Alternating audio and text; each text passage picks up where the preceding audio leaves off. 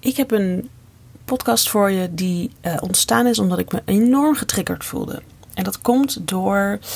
Um, ik was aan het scrollen op Instagram en ik kom uh, de afgelopen week eigenlijk een samenvatting daarvan. Kom ik best wel veel mensen tegen, veel succesvolle fotografen, en daar heb ik het dan over, die aangeven uh, dat het heel goed gaat. Dat ze meerdere shoots per week hebben, drie, vier, vijf.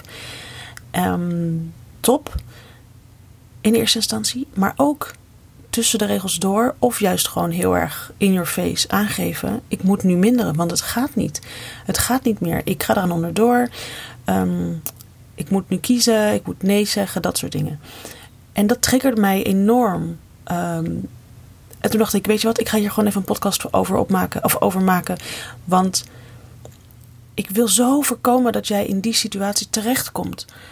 En dat is zo op te lossen, of het is zo te voorkomen in eerste instantie. En ook hoe het is op te lossen, daar wil ik ook iets voor je um, uh, uitleggen. Ik heb hem even niet voorbereid, dus het even uit mijn kop. En daardoor wordt het misschien een lekker korte, maar ik wil je even wakker schudden. Het is super tof als jij drie, vier shoots in de week hebt. Ik heb het niet. Maar daar is een reden voor. Maar als je dan ook nog bijvoorbeeld bruidsfotograaf bent en er komen in het bruidsseizoen ook nog eens bruiloften bij. Nou, waar het bij mij op neerkomt, ik moet er niet aan denken. En waarom moet ik er niet aan denken dat ik dat heb? Want je kan zeggen, ja, maar dat is toch gewoon heel veel inkomen dan, heel veel klanten blij maken. Dat is toch wat je wil als fotograaf? Daar ben ik het dus niet mee eens. Wanneer je gaat kijken, en dat is dus echt wat mij heeft wakker geschud tijdens de corona-periode, is de grote vraag: hoe wil ik mijn leven inrichten? Hoe ziet mijn ideale leven eruit? Ik heb dit al zo vaak benoemd voor mijn gevoel in een podcast. Dus ik ga hem wederom weer gebruiken. En dan aan de hand van dit voorbeeld. En daarom ben ik zo getriggerd. Ik, ik vind het zo. Uh, het, het is zo niet fijn als je in die situatie zit.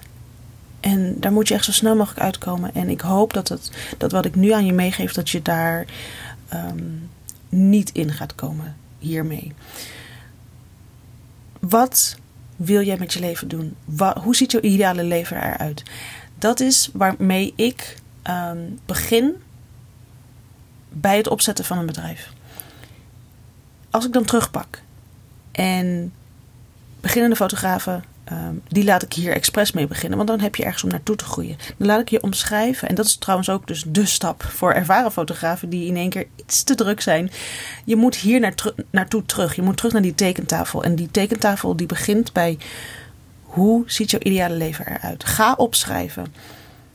In de meest ideale, even los van kaders en, en grenzen ik wil heel graag. Ik zal je wat voorbeelden geven, zodat je een idee hebt van hoe ik dat bijvoorbeeld heb gedaan. Zodat je sneller wat um, aan de slag kan zelf. Mijn ideale leven ziet eruit. Ik haal mijn kindjes van school af zelf. Geen BSO. Ik ben er voor ze na schooltijd. Ik breng ze, ik breng ze ook zelf naar school. Ik heb de bepaalde vrijheid die ik zoek. Um, dat is die ik dan dus vind in het uh, ondernemerschap.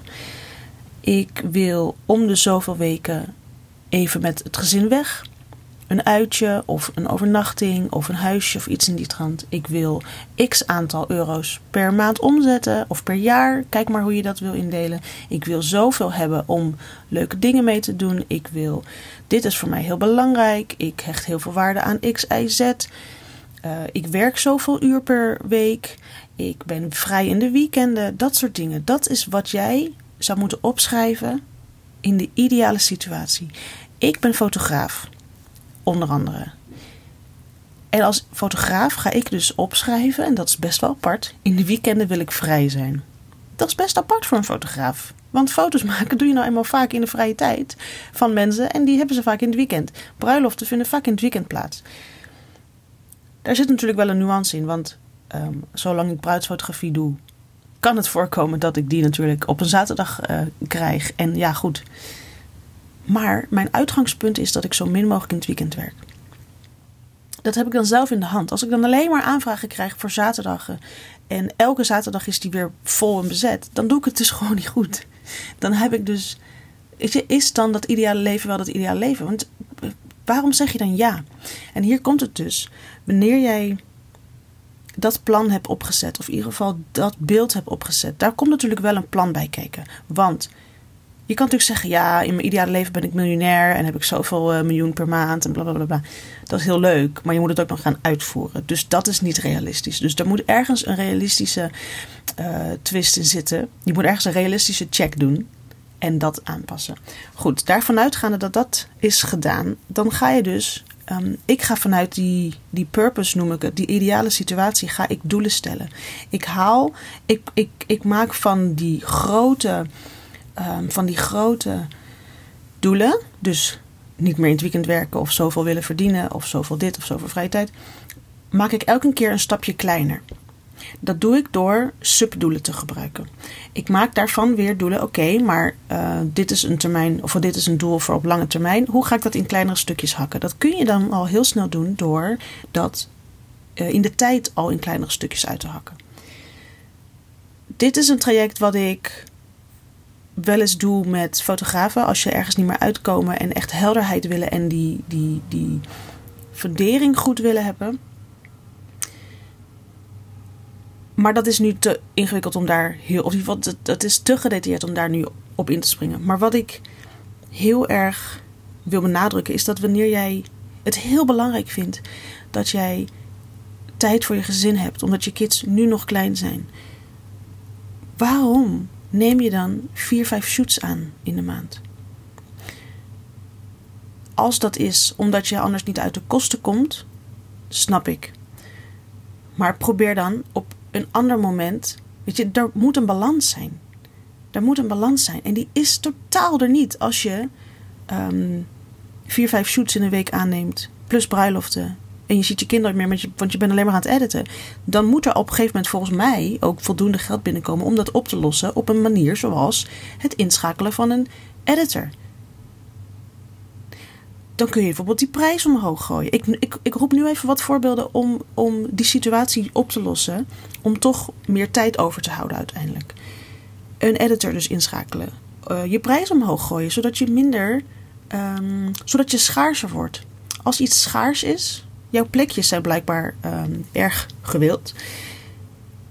Maar je geeft te veel plekken weg. Je hebt dus eigenlijk maar minder plek. Daar ga ik vanuit dat dat het meest ideaal is. Want als je hier aan onderdoor gaat, is dit dus niet de ideale situatie. Hoe voorkom je die dan? Door je prijzen omhoog te gooien. Je moet schaarser worden, waardoor dus een groep afvalt en dat is natuurlijk rot, maar zo werkt het gewoon in de markt. Zo werkt het in het ondernemen. En als je dus zegt, ja, nou zo werkt het in het ondernemen. Ik, uh, ik ga er niet aan meedoen.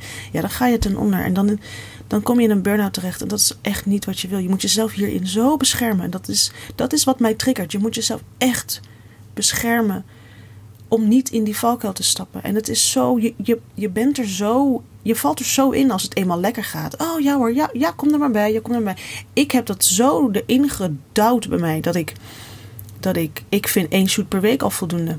Maar goed, ik heb daarnaast nog andere inkomstenbronnen. Maar, hier komt het, die andere inkomstenbronnen die heb ik opgezet omdat ik niet zoveel shoots in een week wil doen.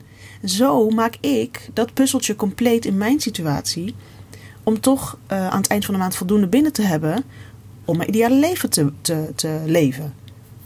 Dus er, is, er zijn meerdere wegen die je kunt bewandelen. Maar veel van die wegen eindigen in overwerkt, te veel stress, niet meer leuk vinden wat je doet. En dat is gewoon heel erg gevaarlijk. Dus ik ga hem afronden. Laat me even weten als je hier tegenaan loopt voor iedereen zijn echt zoveel oplossingen te bedenken. Alleen door de bomen zie je het bos niet meer. Je, hebt oogkleppen op. Je bent al zo ver in die tunnel bezig en er komt geen einde aan. Laat me weten. Een, bijvoorbeeld een één op één power sessie is hier zo ideaal voor. Omdat ik als buitenstaander die situatie kan beoordelen en jou concrete actiepunten kan meegeven. Waar je zelf misschien niet zo snel op komt. Uh, of die misschien heel erg buiten je comfortzone liggen en daarom doe je ze onbewust niet.